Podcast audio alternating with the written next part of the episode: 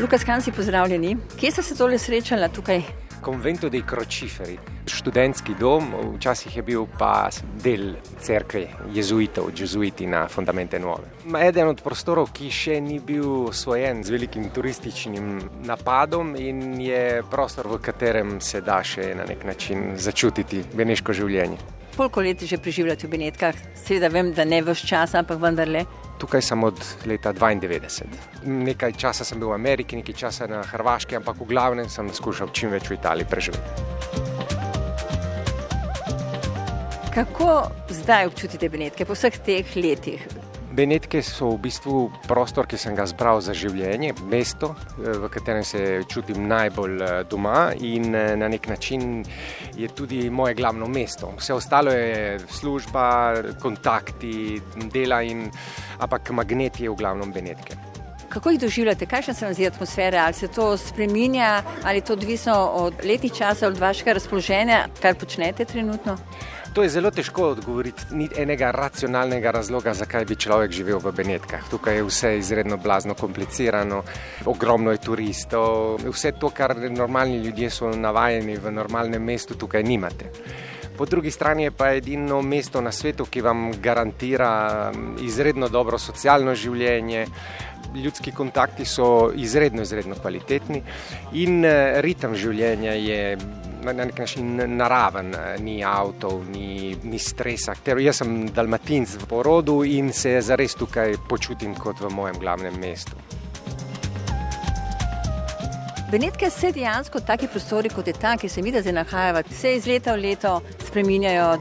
Kako pa se vam Benetke spreminjajo? Kaj vi opažate? Ma, Benetke so, so samo na videzno staro mesto, tradicionalno mesto. Tafur je enkrat rekel, da je to edino barbarsko, res barbarsko mesto na svetu od vseh teh srednjeveških renesansnih centrov, prav zaradi tega, ker se nenehno spreminja in svojimi nekimi pravili. Edino mesto, v katerem zares modernizacija nikoli ni prišla, obenem pa je mesto, ki na nek način sili modernost, da se njej prilagodi. Vse, vsa druga mesta se pač prilagodijo modernizaciji, tukaj pa ne.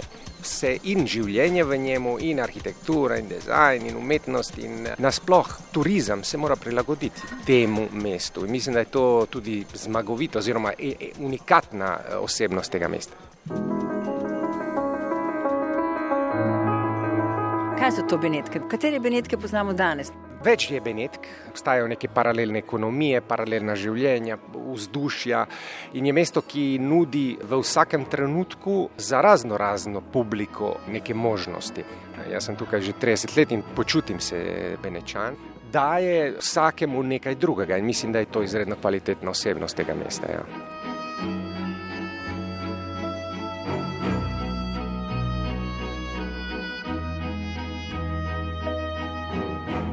Kaj je tisto, kar nujno poveste v Benetkah? Kaj je tisto primarno?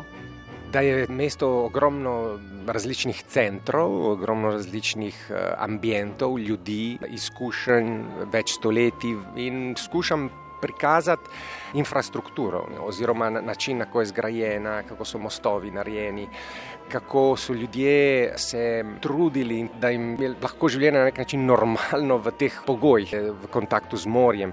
Edino mesto srednjeveško, ki ga jaz poznam na svetu, ki nima zidov, zaradi tega, ker ga je ščitila voda in zaradi tega tudi ima kompletno eno drugo, drugačno osebnost. Potem jih um, pošiljam, da grejo na pokopališče, da, da začutite to različnost armencev, grkov, pravoslavcev, protestantov, židi, različni italijani italijani, španci, vsi so oni živeli tukaj in so želeli tudi umreti in so pustili svoje sledi v tem mestu, ki, ki ga skozi arhitekturo malo manj vidimo, ampak skozi ta imena, ki na teh grobovih lahko vidimo, začutimo to multikulturalnost, ki, ki na, na nek način danes ne obstaja, obstaja s turisti, ampak ne z, z prebivalci.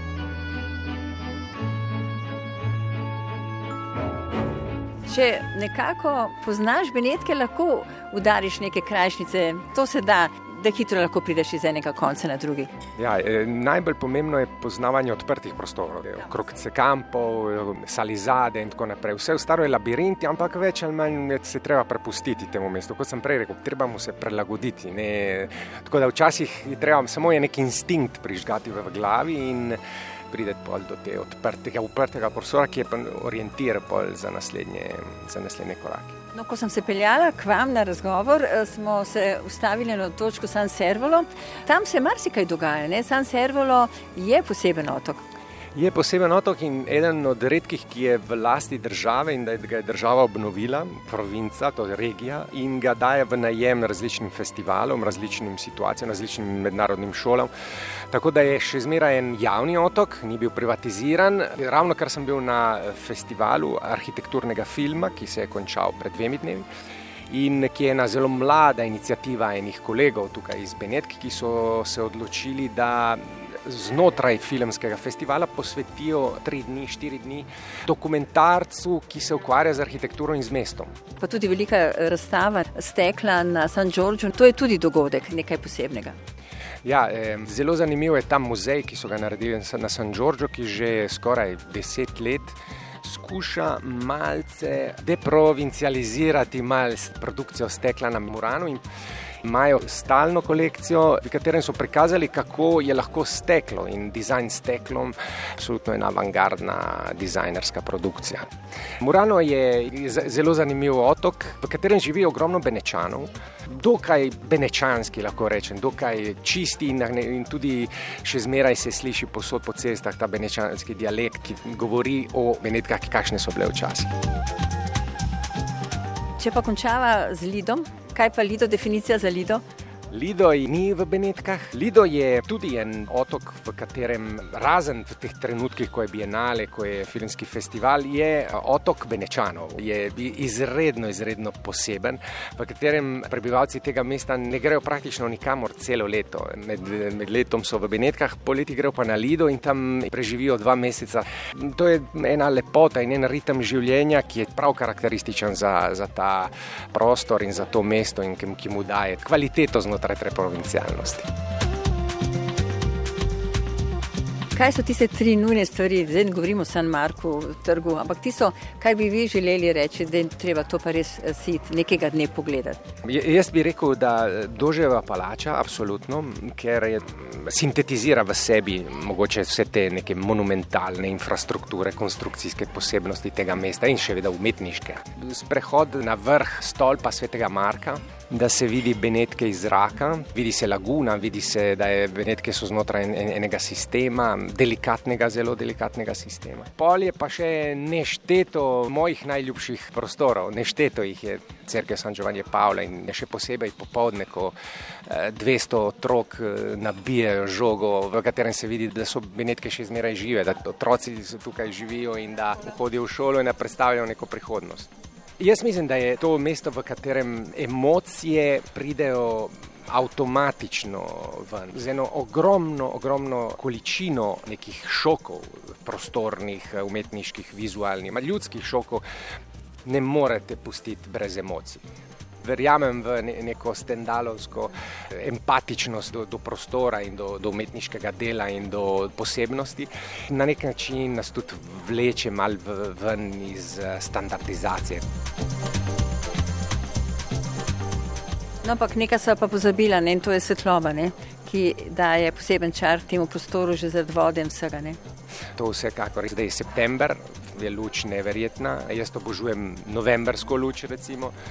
Obožujem tudi meglo. Megla v, v tem mestu je absolutno čudovita, kot recimo, ko piha burja in, eh, in je potem kristalno sonce, kristalni zrak in vsa ta istarski kamen, ki je na teh fasadah, začne svetiti z nekimi neverjetnimi uh, sencami in kontrasti.